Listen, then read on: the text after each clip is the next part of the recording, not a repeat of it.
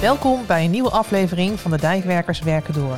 De komende weken zijn we on tour door heel Nederland. Deze podcast gaat over de nieuwe normen en hoe het adviesteam Dijkontwerp jou en je project kan helpen. Ik spreek hierover met Martin Hoeksema, de manager van dit team.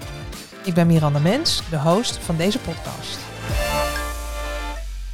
Martin, wil je jezelf even voorstellen aan de luisteraars? Ja, ik ben uh, Martin Hoeksema, uh, manager van het adviesteam Dijkontwerp vanuit Waterschap Vlei en Veluwe. En hoe lang bestaat het adviesteam Dijkontwerp eigenlijk? Het uh, adviesteam Dijkontwerp is begin dit jaar opgericht. Ehm, in 2017 zijn de nieuwe normen voor waterveiligheid ingevoerd. En er is inmiddels wel de nodige ervaring mee opgedaan. Maar er zijn nog steeds vragen over de toepassing van die nieuwe normen. En ehm, wij bieden als adviesteam dijkontwerp hulp bij die vragen. Ja, en jullie zijn ingesteld door het programmabestuur van het HWBP, klopt dat? Ja, dat klopt. Uh, het, het uh, programmabestuur HWBP ziet ehm, dat er links en rechts hulp nodig is bij de invoering van die nieuwe normen. Nou, daar zijn wij voor. Hey, en hoe worden jullie gefinancierd als team? Um, wij krijgen ehm, onze middelen vanuit de, de dijkrekening.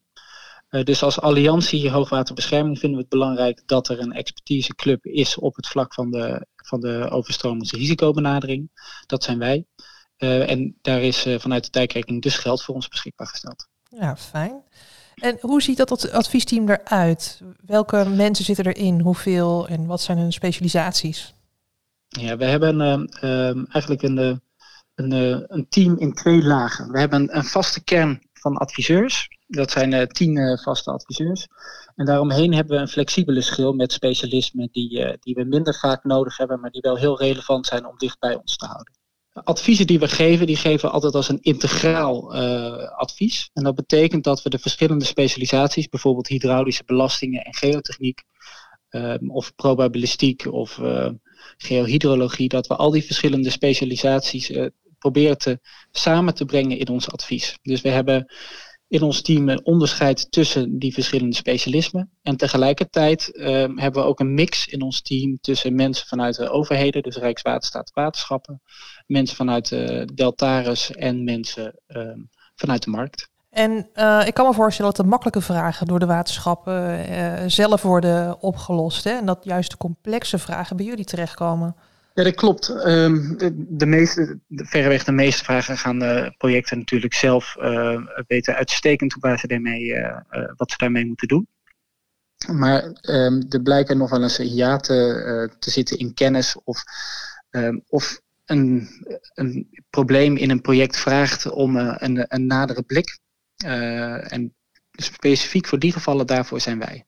Dus wij helpen projecten op het moment dat het lastig is of dat Ehm, de overstromingsrisicobenadering en, een nieuw inzicht vraagt in hun, uh, in hun aanpak. Ja, ja. Hoeveel vragen hebben jullie ontvangen sinds jullie oprichting in januari? Um, uh, bijna 70 op dit moment. Dat klinkt als heel veel. Nou, dat, het is een, eh, een vrij stabiele uh, stroom aan vragen. Dus elke week hebben we twee, twee drie nieuwe vragen. Um, en als, je kijkt, als je ziet dat we op dit moment bij het HPP lopen meer dan 80 projecten. Um, dus we hebben nog niet eens van elk project een vraag gehad. Uh, aan de andere kant denk ik wel dat, we, dat dit wel aangeeft dat er nog de nodige punten zijn waar wij uh, bij kunnen helpen. Ja, precies. En waar komt het nou vandaan dat, dat er zoveel animo is voor jullie uh, adviesteam?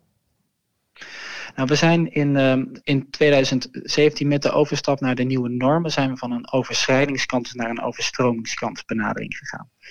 En dat betekent niet alleen een nieuw instrumentarium, uh, maar dat betekent ook een manier van denken, een nieuwe manier van denken uh, op het vlak van waterveiligheid. Dus we kijken nu naar de kans dat iemand achter die dijk uh, schade ondervindt of een, een overstroming gaat meemaken, in plaats van ehm, de belasting op de dijk. En dat verschil in kijken naar die uh, benadering, dat, dat brengt ook een hele hoop nieuwe vragen met zich mee. Want hoe groot is nou daadwerkelijk de kans dat zo'n dijk doorgaat? Nou, en daar, kunnen we, uh, daar hebben we nog het nodig in uit te vinden met z'n allen. En uh, specifiek daarover helpt het, het adviesteam dijkontwerp. Ja, kan je een voorbeeld noemen van een eerder uitgebracht advies? Um, ja, bijvoorbeeld, een, een, voorbeeld is bijvoorbeeld bij Zuid-Zeeland. Um, die hebben ons uh, gevraagd om mee te kijken naar de, de, hydraulische belastingen. Dus wat doet de waterstand en de golven um, op hun dijk? en welke uitgangspunten moeten zij hanteren vanuit die waterbelastingen en golven voor hun project? Ja, op de IJsselmeerdijk is dat, hè? Ja, dat is de IJsselmeerdijk. Ja. Oké, en een ander voorbeeld? Een, een ander voorbeeld dat zou uh, bijvoorbeeld uh, Stichtse Rijnlanden kunnen zijn. Ehm, in de, die hebben een hele hoop dijken rondom de lek. En de, de afvoerverdeling eh, bij de lek, daar zitten nog de nodige onzekerheden in. En wij helpen Stichtse Rijnlanden met nadenken hoe zij om moeten gaan met de onzekerheden daarbij. Ja, Oké, die nieuwe normen hè, die zijn best ingewikkeld voor veel dijkwerkers. Het is niet voor niks dat jullie in een half jaar tijd al zo'n 70 vragen hebben gekregen uit de sector. Is dit nou voor jullie als adviesteam allemaal gesneden koek? Of zitten jullie ook wel eens met de handen in het haar? Nou, de, de mensen uit het adviesteam waren zelf bijna allemaal betrokken bij de ontwikkeling van de nieuwe normen. Dus ze stonden aan de wieg van het nieuwe, het nieuwe denken. Of hebben ervaringen opgedaan bij verschillende projectoverstijgende verkenningen. En daarmee hebben wij een beter zicht op wat is de, of een beter een goed zicht op wat is de herkomst van, uh, van die normen. Dus op welke, waarom zijn ze opgeschreven zoals ze zijn opgeschreven. En dat geeft ons een, uh, een goed beeld op, uh, op logische antwoorden op de vragen. neemt niet weg dat we zelf nog heel regelmatig na moeten denken van hoe, hoe kunnen we dit advies het beste passend maken. Ja, want iedere situatie, iedere vraag is uniek natuurlijk. Ja, en dat maakt het werk ook wel leuk in ons adviesteam. Want we krijgen de unieke gevallen waar telkens weer een passend antwoord uh, voor nodig is. Ja, ik kan me voorstellen. En hoe helpen jullie projecten? Wat bieden jullie aan in jullie dienstverlening? Nou, we hebben eigenlijk drie smaken in, uh, in advisering. De eerste is uh, dat we graag laagdrempelig sparren met projecten. Dus als je een, een, een vraag hebt die, um, die al een tijdje door je hoofd spookt, dan, uh, dan schuiven we graag een, een, paar adviseurs aan om eens gewoon om tafel te zitten en heen en weer te praten en zo tot een uitkomst te komen. Ten tweede ehm, bieden we challenges aan. En daarbij moet je denken aan een benen op tafel sessie, wat vooral het beste werkt als je net begint bij een nieuwe fase. Um, waarbij we dan graag de, de, uitgangspunten bespreken die je als project uh, hanteert. En vooral ook de koppeling van de, water, van de overstromingsrisicobenadering met die uitgangspunten. Ja, dus, dus als je bijvoorbeeld van verkenning naar een planstudie gaat of van planstudie naar realisatie, die faseovergang bedoel je? Precies, ja, of je gaat überhaupt beginnen aan je verkenning. Ja. Want juist als je niet onder druk staat uh, in je project, en dat is vaak op zo'n uh, fasewisseling, uh, dan hebben we de meeste ruimte om, um, om na te denken over zijn de, de, de uitgangspunten nou de meest logische. En het derde uh, wat we doen, dat zijn uh, adviesmemo's. Daar krijgen wij op dit moment verreweg de meeste vragen over. Dus dat zijn projecten die uh, met, een, met een issue zitten en ehm, een specifieke vraag aan ons hebben van goh, help ons verder met dit vraagstuk. Ja. Um, en vervolgens gaan we met hun in gesprek over wat is nu precies de vraag en welk antwoord zou je mee geholpen zijn. En vanuit daar leveren wij binnen twee weken een adviesmemo op. Oké, okay, binnen twee weken, dat is gegarandeerd. Nou, dat is in ieder geval de intentie. Um, en dat komt omdat uh, we zien dat elk project een, een, een, projectdynamiek heeft en dat er vaak ook druk op de planning zit. En ik denk wat ons onderscheidt is dat wij um, zoveel mogelijk mee proberen te bewegen in die planning van het project. En daarmee dus ook graag tempo willen maken in de advisering van die vragen. Ja, oké. Okay. Hey Martin, waar krijgen jullie nou inhoudelijk dan hè, de meeste vragen over? Wat, wat zijn nou de, um, ja, de, de, de onderwerpen waar men echt mee worstelt? Nou, op dit moment krijgen we veel vragen over de, uh, over de bekleding. Zowel aan de binnenzijde uh, en op de kruin, als ook uh, over de, buiten, de buitenbekleding. Dus de grasbekleding op de dijk zelf. En de andere categorie van vragen waar we veel vragen over zien, dat zijn de hydraulische belastingen. Dus wat, wat voor een uitgangspunten aan golven en, en waterstand heb ik nu echt nodig of moet ik nemen bij mijn project. Ja. En, en derde wat we zien, dat zijn de, de interacties tussen de verschillende faalmechanismen. Um, dus op het moment dat, uh, uh, dat de manieren waarop een dijk kapot uh, kan gaan elkaar raken, of, dan is dat eigenlijk, dan wordt de oplossing meer complex en daar zijn wij ook in thuis. Oké, oké. En dan kan ik me voorstellen dat het einddoel natuurlijk is dat het adviesteam zichzelf overbodig maakt. Hè? Dat op een gegeven moment iedereen weet hoe ze om moeten gaan met, met mhm. die nieuwe normen en hoe zich dat in allerlei ontwerpen vertaalt. Uh, wanneer komt dat moment dat jullie overbodig zijn? Nou, als iedereen de, de overstromingsrisicobenadering en de filosofie daarachter volledig heeft de grond uh, en dat ook uh, toepast in, de, in zijn projecten, dan is het volgens mij voor ons een, eh, een goed moment om eh, eh, te stoppen. Ja, en, en is dat een kwestie van jaren of, of waar staat die stip op jouw kalender?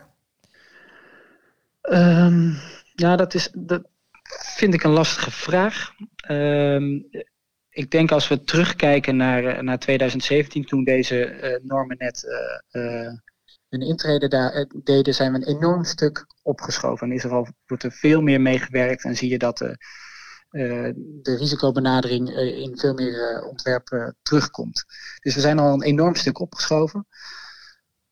Wanneer we, de, nou ja, wanneer we daar helemaal mee klaar zijn, ja, dat durf ik niet te zeggen. Dat kunnen we jou niet ontlokken. nee, als, als, jij het weet, mag jij het zeggen. Oké, nee, ik moet je ook het antwoord schuldig blijven. Hey, wat wil je nog tenslotte kwijt aan de luisteraars? Ja, um, ik heb nog wel een oproep. Um, zoals net al gezegd, uh, zien we de meeste winst uh, voor projecten en de meeste meerwaarde van onze adviezen in uh, projecten die overgaan naar een nieuwe fase. En we zouden graag alle projecten die komend jaar een, een, faseovergang hebben, willen uitnodigen om met ons een challenge te doen op hun uitgangs, uitgangspunten. Dus een, een, het open gesprek aan de voorkant te voeren. En als je uh, daaraan mee wilt doen met je project, dan uh, nodig ik je van harte uit om daarover met mij contact op te nemen. Oké, top. En hoe kunnen mensen jou benaderen? Um, dat kan via info.adviesteamdijkontwerp.nl. Oké, kan je die nog een keer herhalen? info.adviesteamdijkontwerp.nl. Oké, helemaal goed. Martin, ik hoop dat, uh, dat je veel reacties krijgt op jouw verzoek. Mm -hmm. En hou ons erover op de hoogte.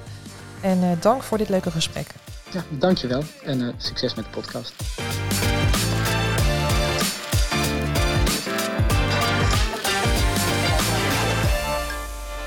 Aan de lijn hebben we nu Alfons Smalen. En Alfons is lid van het adviesteam Dijkontwerp en specialist hydraulische belasting bij Deltaris.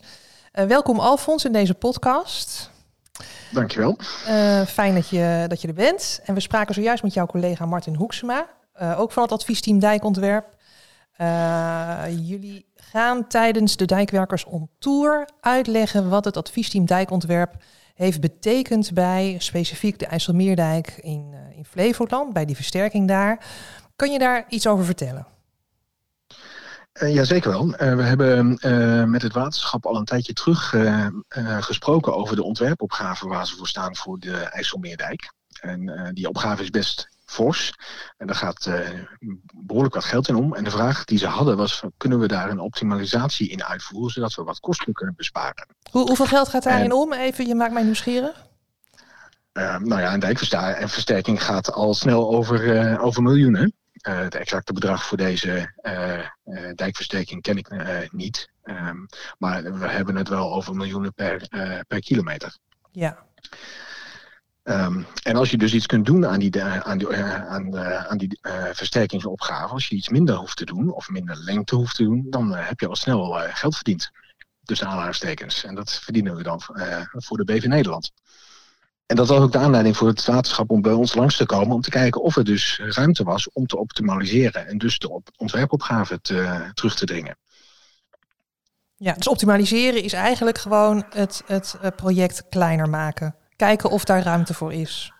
Ja, uh, en project kleiner maken kan op een aantal manieren. In lengte dijkversterking, dat kan ook in slimmere oplossingen, goedkopere oplossingen. Uh, er zijn allerlei smaken. Ja, ja. En waar hebben jullie specifiek naar gekeken bij die IJsselmeerdijk? Nou, we hebben een, een uh, gesprek gehad waarbij uh, misschien wel uh, tien onderwerpen de revue zijn gepasseerd. Maar uiteindelijk hebben er twee onderwerpen wel heel veel extra aandacht gekregen. En de eerste van die twee onderwerpen is hoe je omgaat met golfoverslag voor, bij de dijk. En dat is belangrijk, want het bepaalt de hoogte van de dijk. En dus of dat je wel of niet een dijk verder moet verhogen en verbreden, want verhogen en verbreden gaat samen. Um, en aan de andere kant hebben we met ze gesproken over uh, de mogelijkheid om uh, de golfaanval op de, het buitenteluut uh, aan te scherpen. Waardoor je misschien in plaats van steenbekleding gras kunt toepassen. En dat is ook goedkoper. Oké, okay. en het buitenteluut even voor de, de, de, de, de mensen die dat niet weten. Hè? Dat is dus de kant van de dijk waar het water tegenaan komt. Ja, ja. ja dat is correct. Oké. Okay. En jullie hebben daar gesprekken over gevoerd. Uh, wat is er uitgekomen uit die gesprekken?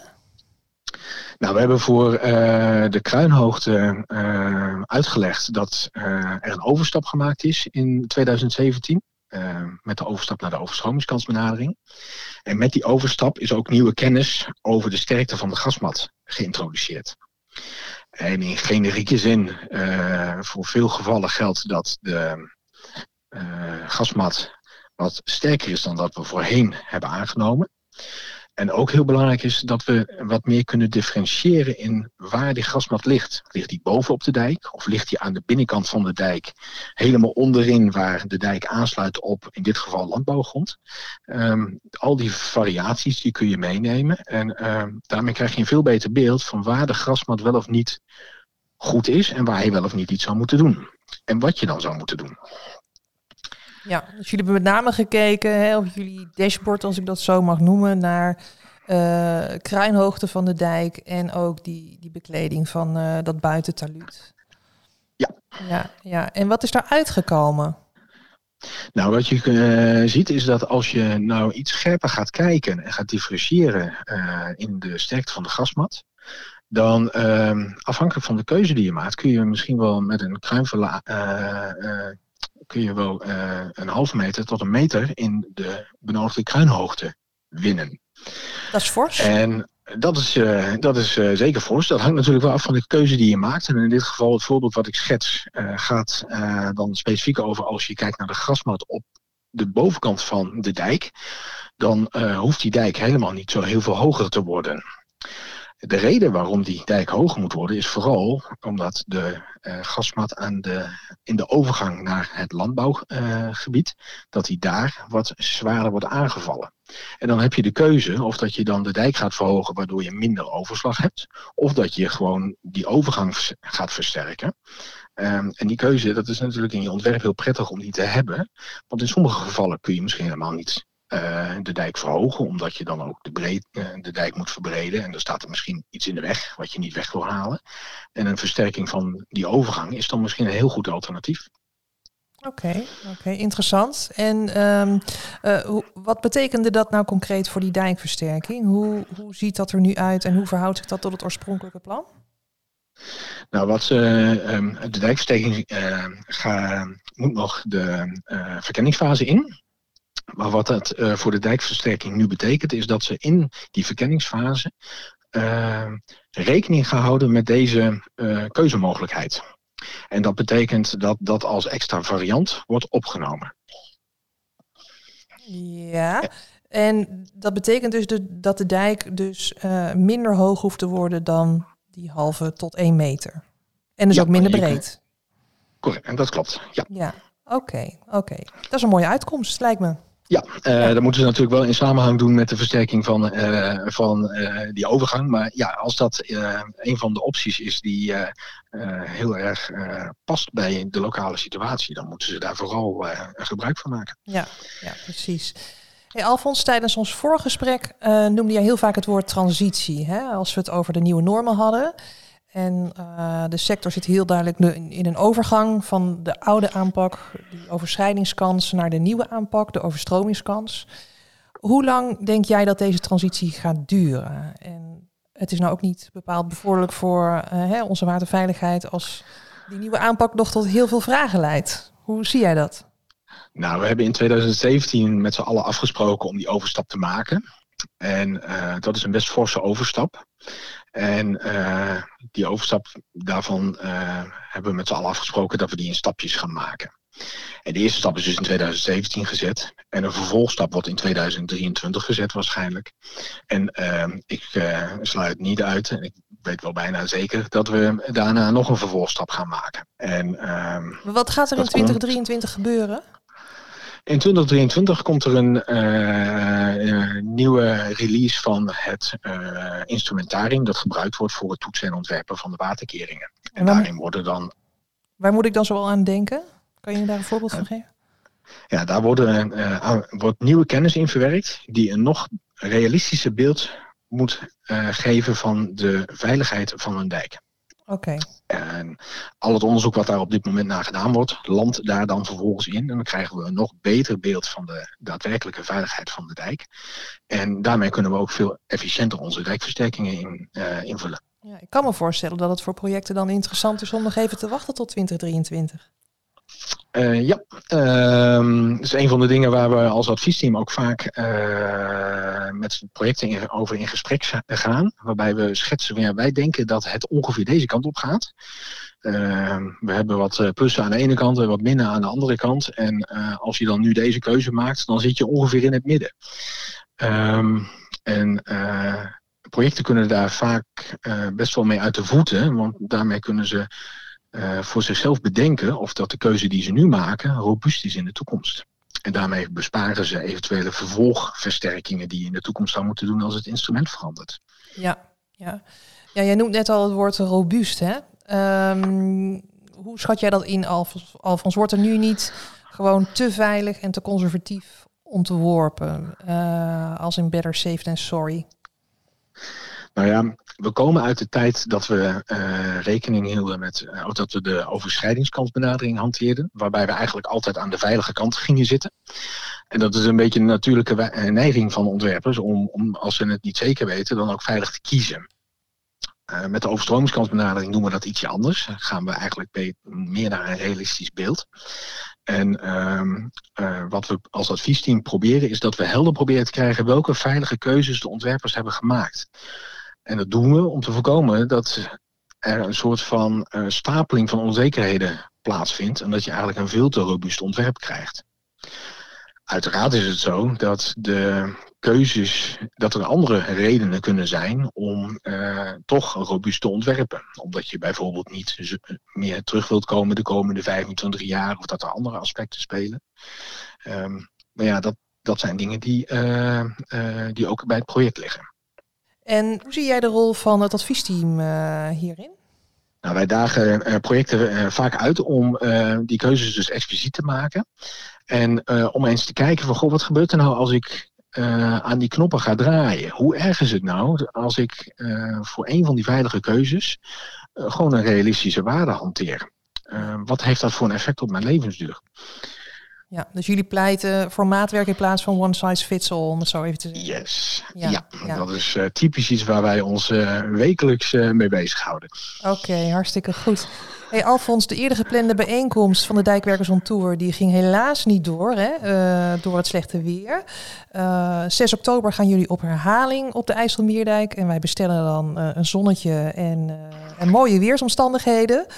Um, nou, het zou natuurlijk ontzettend leuk zijn als mensen geïnteresseerd zijn in het onderwerp, ook naar aanleiding van jouw verhaal in deze podcast, dat ze zich opgeven voor, uh, voor deze bijeenkomst. Ja, ik uh, nodig mensen uh, graag uit om uh, te komen, want we gaan dan wat meer vertellen in, in de, op inhoud over hoe dat nou zit met grasbekledingen en een golfoverslag en wat voor mogelijkheden tot optimalisatie er zijn. En datzelfde voor gras aan de buitenzijde van de dijk, hoe je daar wat slimmer mee om kunt gaan. Super. Alfons, dank voor jouw medewerking alvast en heel veel succes op 6 oktober. Graag gedaan en dankjewel. Staat jouw project aan het begin van een nieuwe fase? Aarzel dan niet en neem contact op met Martin Hoeksema van het adviesteam Dijkontwerp en ga de challenge aan. Wil je reageren? Praat dan mee via hashtag Dijkwerkerspodcast. En vergeet je niet aan te melden voor de bijeenkomst op 6 oktober.